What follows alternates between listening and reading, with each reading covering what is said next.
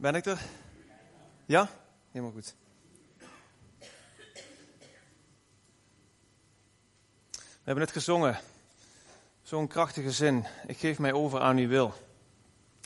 En dat heeft wat mij betreft alles te maken met waar we deze weken over hebben. Dat, dat gaat over Gods cultuur, Gods koninklijke cultuur. Dat wij ons overgeven, ons durven overgeven aan zijn wil.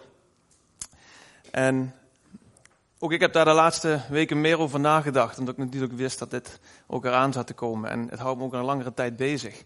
En die cultuur, die hele koninklijke cultuur, die, die vorige week ook zo mooi door Jacob Jan is toegelicht. Wat, wat, betekent eigenlijk cultuur? Daar ga ik vandaag uh, mee verder. En ik wil het van het grotere geheel, cultuur, vandaag eigenlijk, eigenlijk heel klein maken. En ik wil jullie meenemen met dingen die mij daarin persoonlijk heel raken. En ik hoop echt dat je daardoor ook uh, bemoedigend naar huis gaat vandaag. Om daar ook zelf um, het te overdenken en um, het mee te nemen naar huis. In Denemarken, daar wonen de gelukkigste mensen op aarde. Wisten jullie dat? Het World Happiness Report dat opgemaakt wordt door de Verenigde Naties of een opdracht van de Verenigde Naties. Daaruit blijkt dat in Denemarken de meest gelukkige mensen worden, wonen in, in, de wereld. En ze stoeien een beetje met Zwitserland, die waren volgens mij in 2015 nummer 1. Maar in Denemarken heeft het uh, in 2016 uh, behaald. En je ziet daar een hele rits aan landen staan. Nederland, de zevende plek. Interessant. België. Dat is ook aardig wat België hier, of niet? Ja, ja zeker. Achttiende plek, jongens. Kom op. Misschien kunnen we dadelijk even een arm slaan om Ber en om, uh, om David. Gewoon even een bemoediging. Zo van, jongens, jullie mogen er zijn. Ja, ik volg gewoon wat je staat, jongens. En in Denemarken wonen de gelukkigste mensen ter wereld. En en ik ben de laatste tijd samen met Dev een boek aan het lezen. Dat gaat over het Deense geluk. Nou ja, we lezen het samen. Dev leest dat boek. En zo s'avonds op de bank krijg ik een hele samenvatting van ieder hoofdstuk. Eigenlijk is dat een beetje hoe het gaat. En dat is wel heel erg tof. Dat, dat boek, dat heet uh, Huge, Huge, ja, ik weet eigenlijk niet hoe je dat op zijn Deens uitspreekt. En dat gaat eigenlijk in op hoe het Deense geluk um, ja, tot stand komt. En dat is een heel interessant, heel interessant boek, want het geeft hele praktische handvatten over hoe dat geluk in Denemarken er nou uh, zo uitziet. En voorbeelden daarvan is dat in Denemarken een werkgever bijvoorbeeld zo rond vier uur, half vijf echt geen vergadering meer inplant. Dat is een cultuur. Dat is daar algemeen um, ja, algemeen aangenomen, zeg maar. Rond 4, 5 uur ga je niet meer met je personeel een vergadering plannen. Want de werkgever vindt het belangrijk, en ook de werknemer vindt het heel belangrijk, om tijd naar huis te gaan en met zijn gezin samen te eten. Ja, is een cultuur. Dat gezin in Denemarken stelt daarom ook hele hoge eisen aan bijvoorbeeld samen eten, kinderen in bed doen, door zowel de een als de ander. En het aantal kaarsjes dat verkocht wordt in Denemarken is gigantisch. En ook daaruit blijkt, gewoon uit onderzoek, degene die dat boek heeft geschreven, dat boek heet ook uh, Huge, Hige, maakt niet uit. Dat is eigenlijk een, een allesomvattend begrip voor wat te maken heeft met dat gedrag, uh, cultuur, hoe mensen leven in Denemarken. Het is ook bewezen um, dat gedimd licht, kaarslicht, effect heeft op de gemoedstoestand van mensen. Fantastisch toch? Ja. Ik zie hier een heleboel mannen in de zaal nu kijken. Kaarsen kopen, jongens. Kaarsen. Kaarsen, kaarsen, kaarsen. Misschien wel een beetje een feit. Dat zou je misschien, ja, misschien niet denken. Maar bij mij thuis is het zo dat, dat ik degene ben die eigenlijk altijd de kaarsjes aandoet. Um, dat heeft volgens mij Dev ook al eens een keer heel hard opgezet, gezegd waar vrienden bij zijn. Zo van, ja, Arjan zorgt altijd voor de kaarsjes. En ik wist niet dat hij met dat boek bezig was. En de afgelopen weken zag ik in één keer dat als ik thuis kwam, allemaal kaarsjes aanstonden. Dus ik denk, wat is hier aan de hand? En toen werd pas duidelijk dat zij het boek aan het lezen is. Dus ja, de stappen worden gezet. Maar wat ik zo interessant vind, is dat in Denemarken er dus eigenlijk een cultuur is die dat huge, dat gedrag, hè, dat, dat, dat in ieder geval leidt tot ook een stukje geluk, dat het echt verweven zit in de maatschappij. Het zit echt verweven in de maatschappij.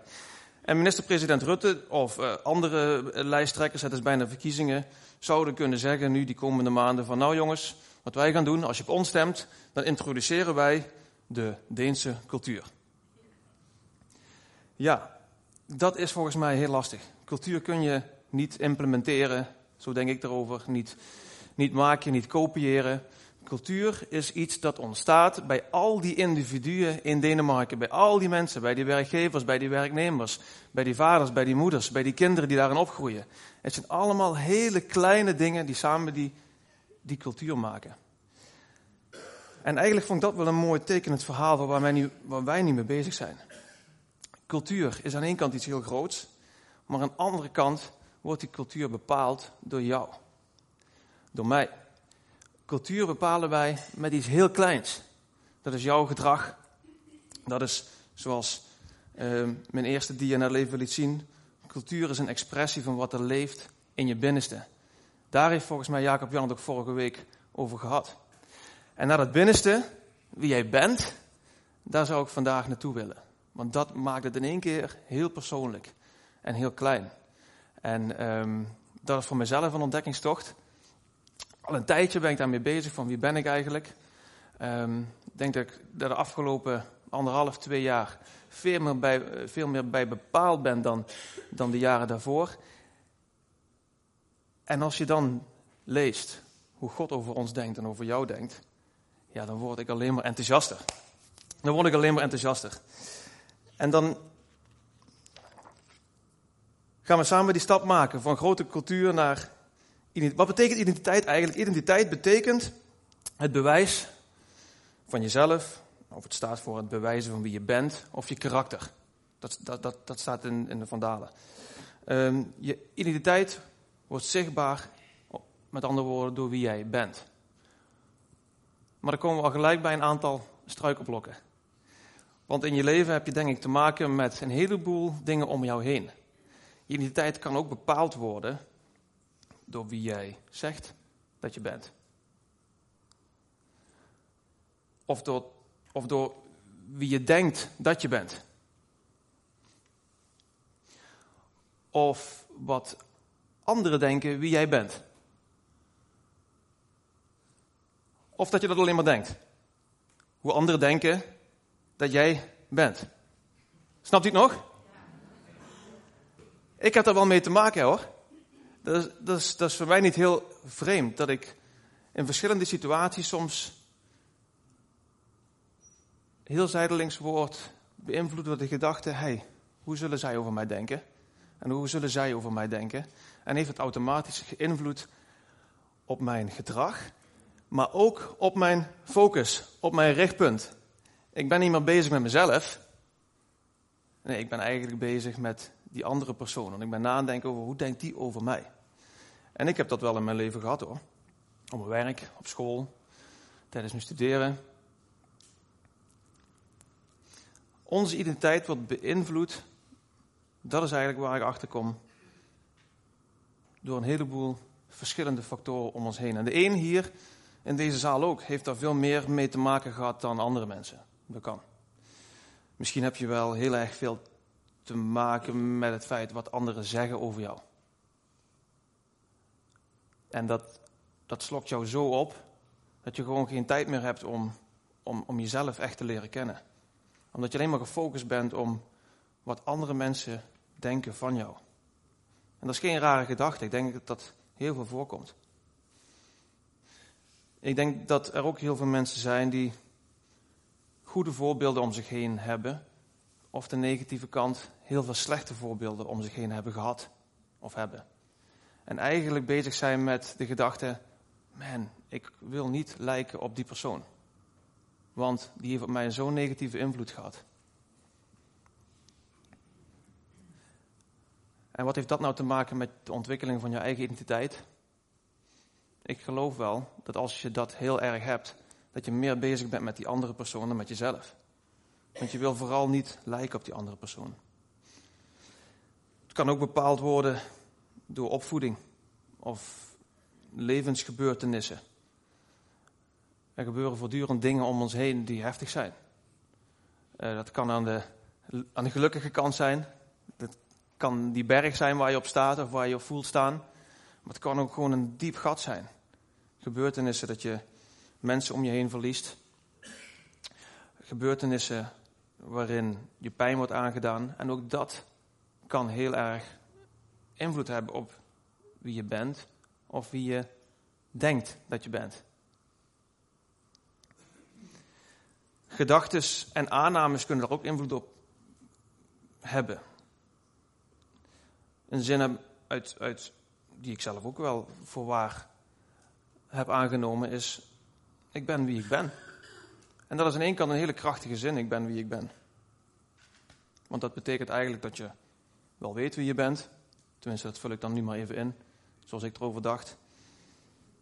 En dat is erg zelfbewust. Ik ben wie ik ben en ik mag er zijn. En daar is op zich ook niks verkeerd mee. Maar wat het met mij wel deed, ik zei net, de laatste anderhalf jaar heb ik daar ook wel echt een proces in doorgemaakt, is dat je stilletjes aan ook wel genoegen neemt met wie je denkt dat je bent. En dat bijvoorbeeld een grotere droom eigenlijk aan de kant wordt gezet door jezelf, omdat je denkt, ja, maar ik ben toch goed zoals ik ben. En in de kern is er helemaal niks mis mee. In de kern is er helemaal niks mis mee. Maar nogmaals, ik denk dat er veel meer voor mij en voor jou is weggelegd. En als je dat weet te raken, als je dat weet te pakken, ja, dan gaat er zo'n wereld voor je open. Dus bij mij maakte die uitspraak eigenlijk niet veel ontwikkeling meer mogelijk. Ik ben wie ik ben. Wat op de eerste zin een zelfbewuste, duidelijke, mooie uitspraak is.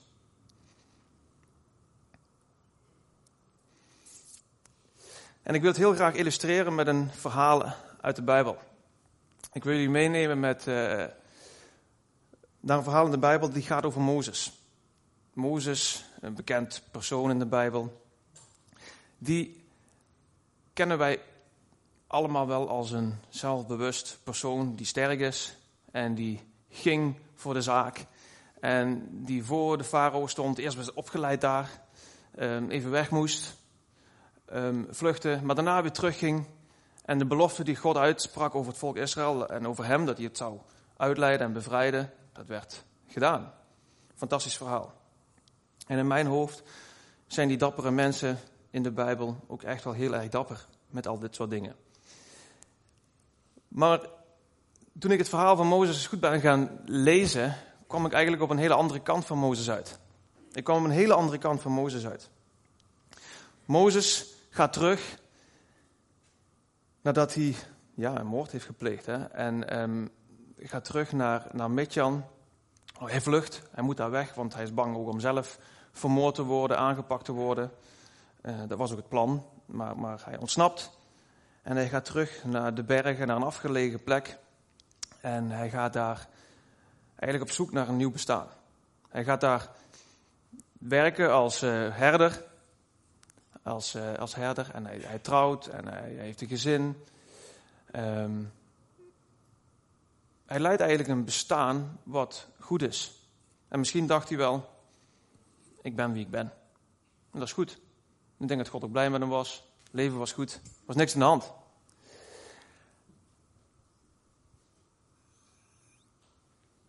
En op een dag gaat hij dus naar die bergen toe om, die, om, om, om zijn, zijn vee uit terug te halen of weg te brengen.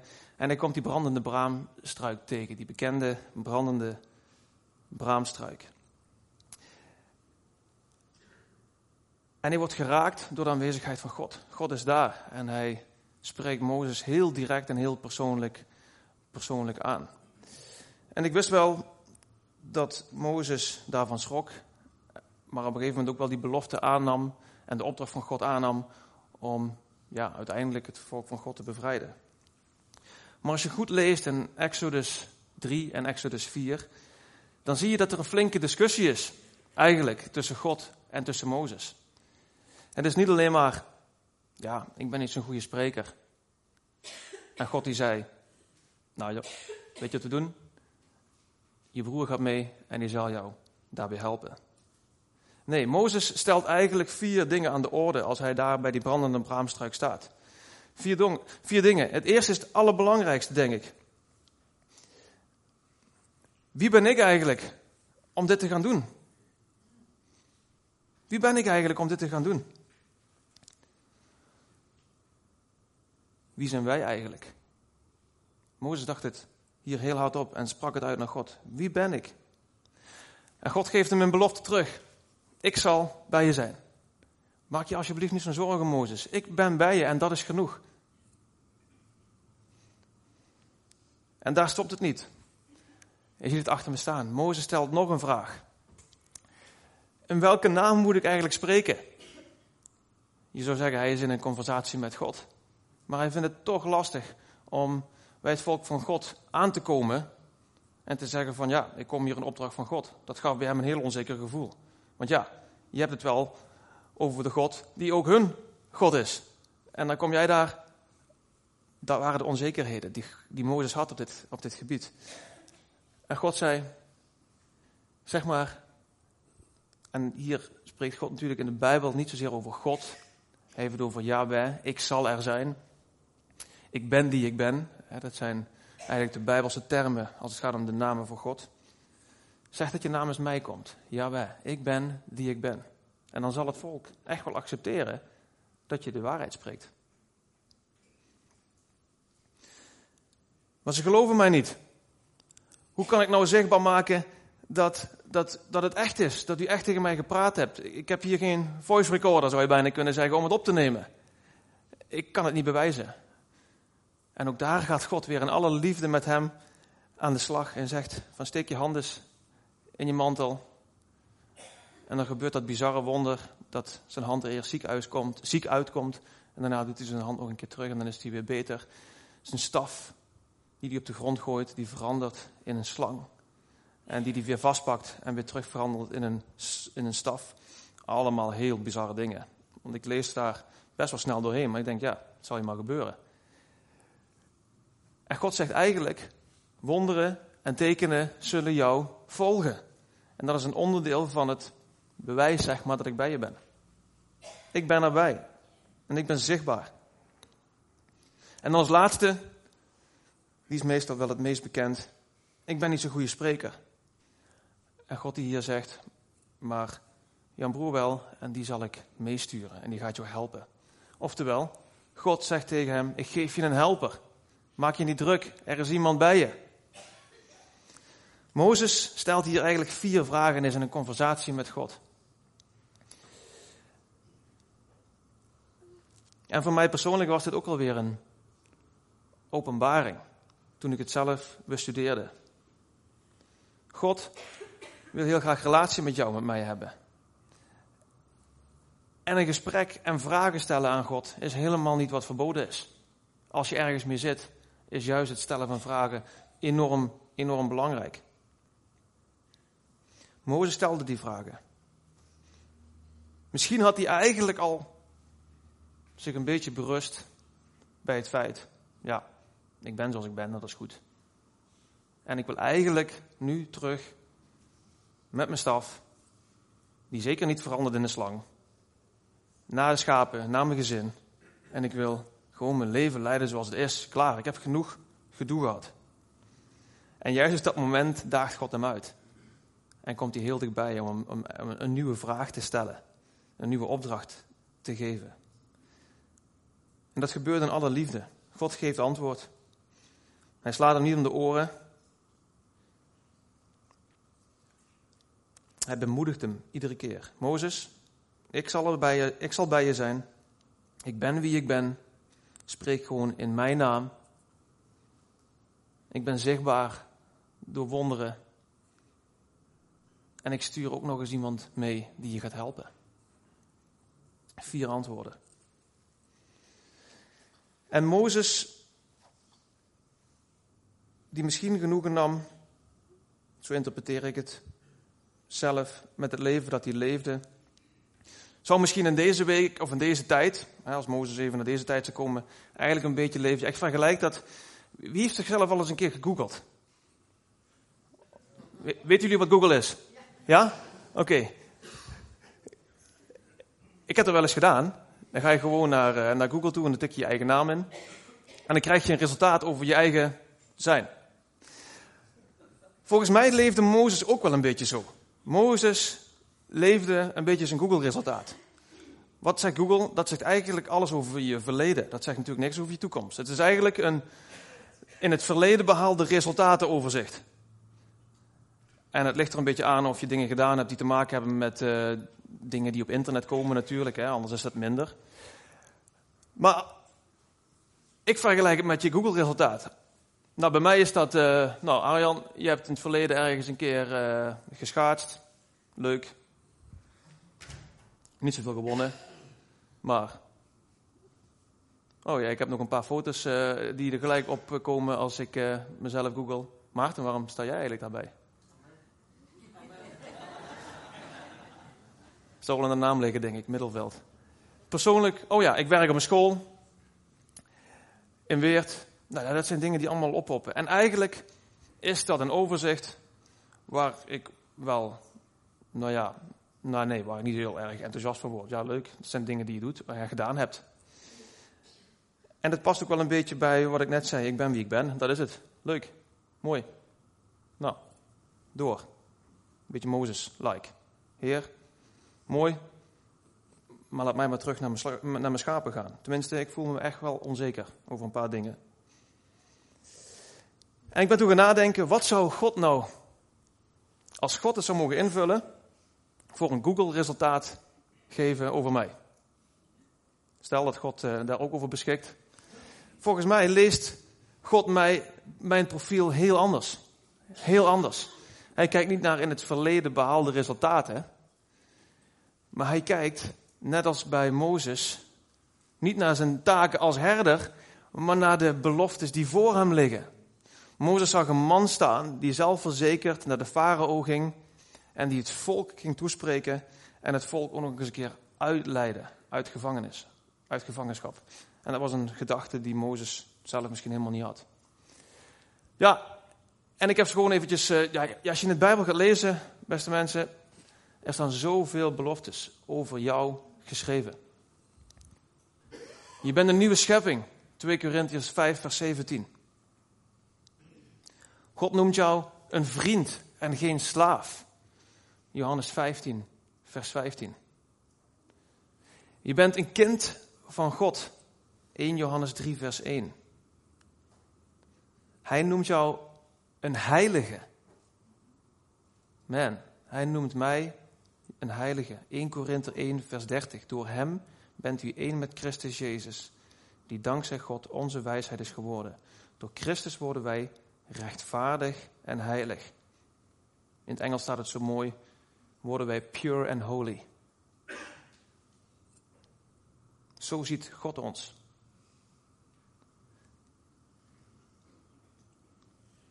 We zijn tot alles in staat door hem die mij kracht geeft. Filippenzen 4, vers 13. En heel pakkend, wij zijn voorbestemd en geroepen. Johannes 15, vers 16. En die vind ik ook weer zo mooi in het Engels. Ik leg die twee vertalingen vaak bij elkaar, of naast elkaar, omdat het Engels soms wat meer woorden heeft om dingen uit te leggen. You have not chosen me, but I have chosen you.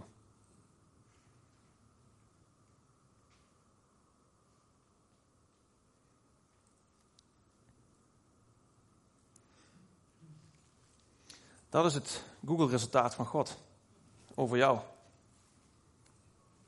Dat zijn de beloften die Hij geeft voor jou.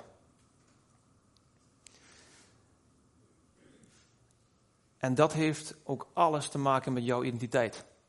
Wie jij bent.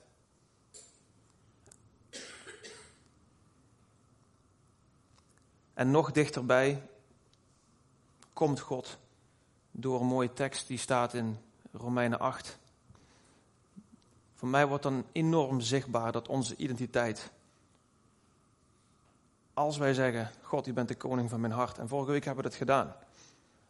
Jacob Jan is daar voorgegaan en we hebben samen gebeden van God, wilt u de koning van mijn hart zijn?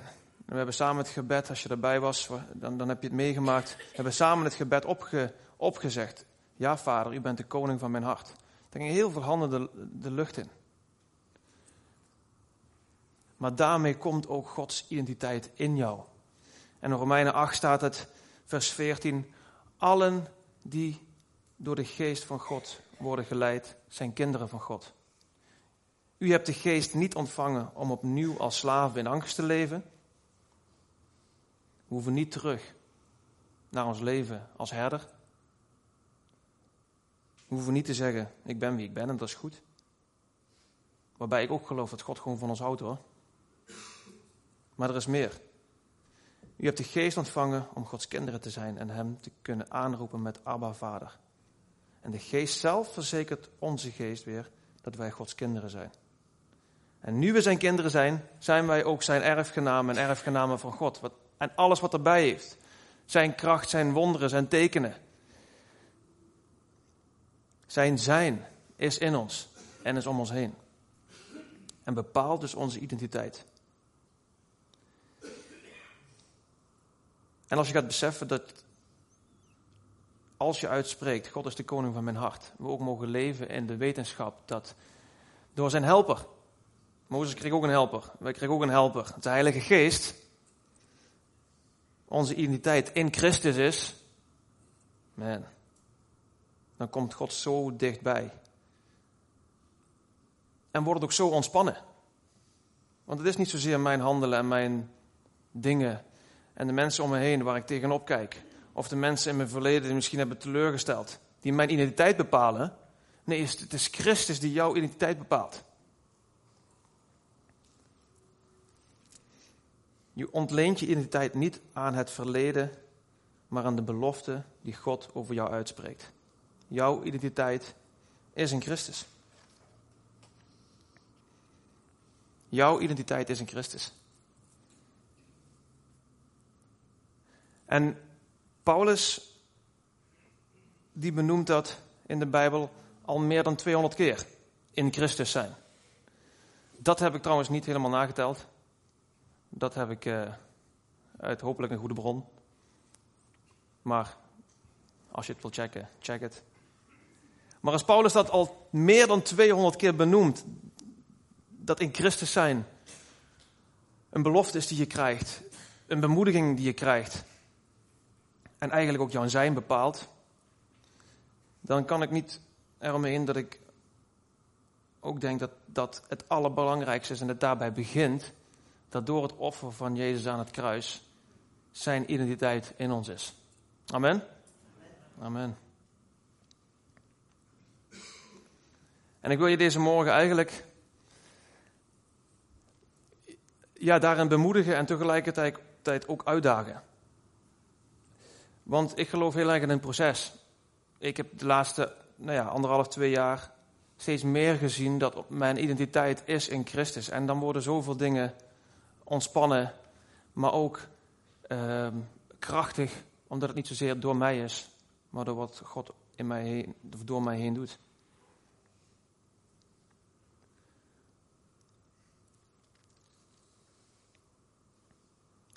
Eigenlijk wordt dan je hele leven daardoor bepaald.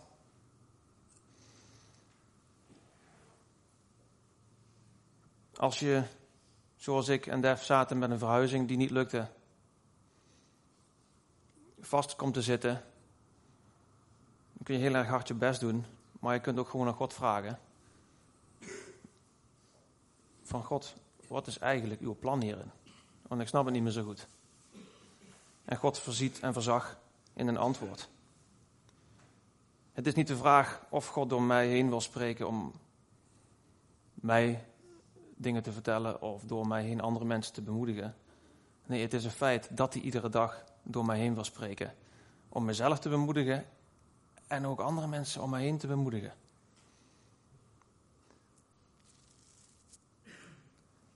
En ergens is er een ontdekkingstocht. En misschien ook wel het afstappen van ik mag God geen vragen stellen.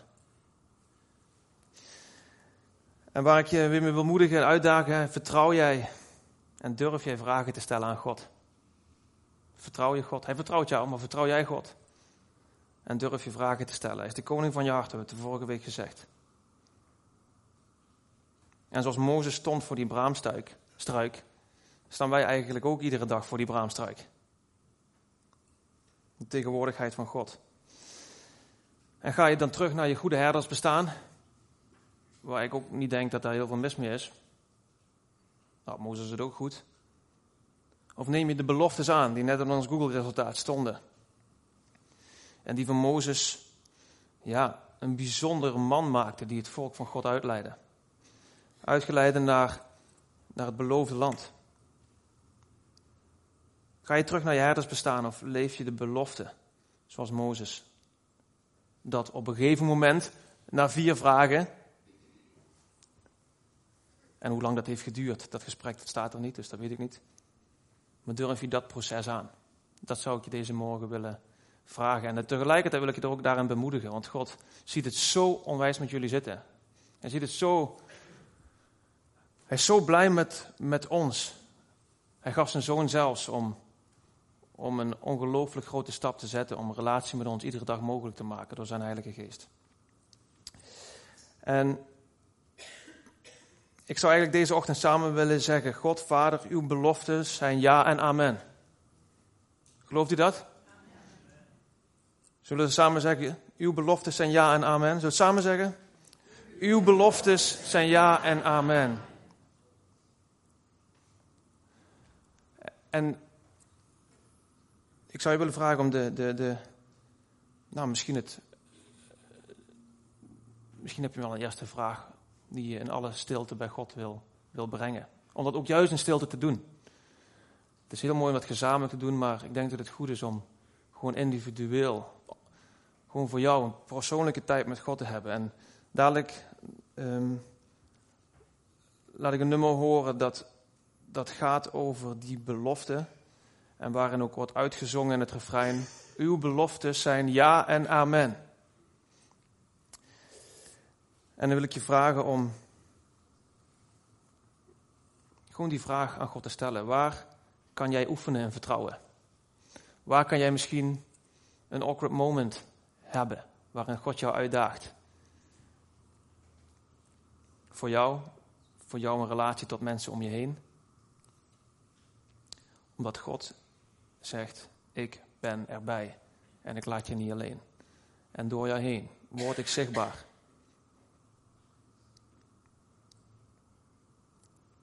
Ja, laten we dat doen. Laten we luisteren naar het nummer en tegelijkertijd zou ik ook willen vragen of de Ben, Naomi, Andrea, Lennart de tafel klaarmaken voor het uh, voor brood en de wijn.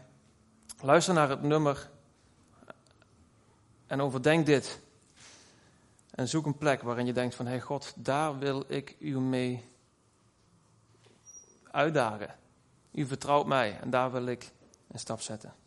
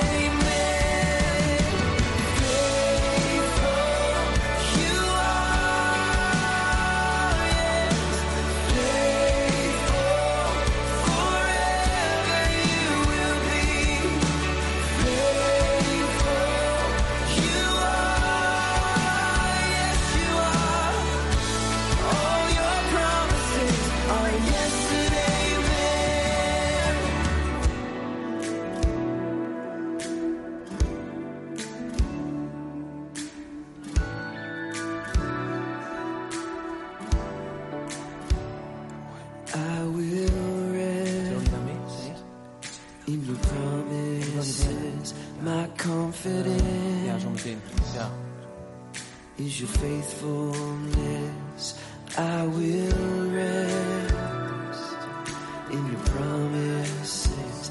My confidence is your faithfulness. And I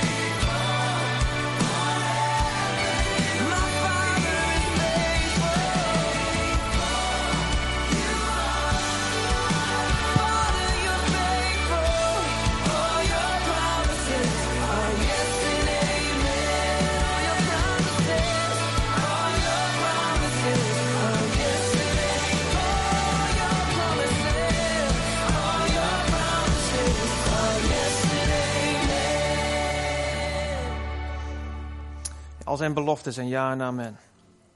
Dat spreken we deze morgen uit. En we gaan zo meteen het brood en wijn, de avondmaal gaan we vieren, waarin we dus eigenlijk met elkaar zeggen van God, doordat u uw zoon gaf, is het mogelijk om die relatie met u te hebben. En weet ik dat als ik zeg, en ook de vorige week heb gezegd, u bent de koning van mijn hart. Dat zijn Heilige Geest. Zijn daarbij het onze identiteit iedere dag bepaalt.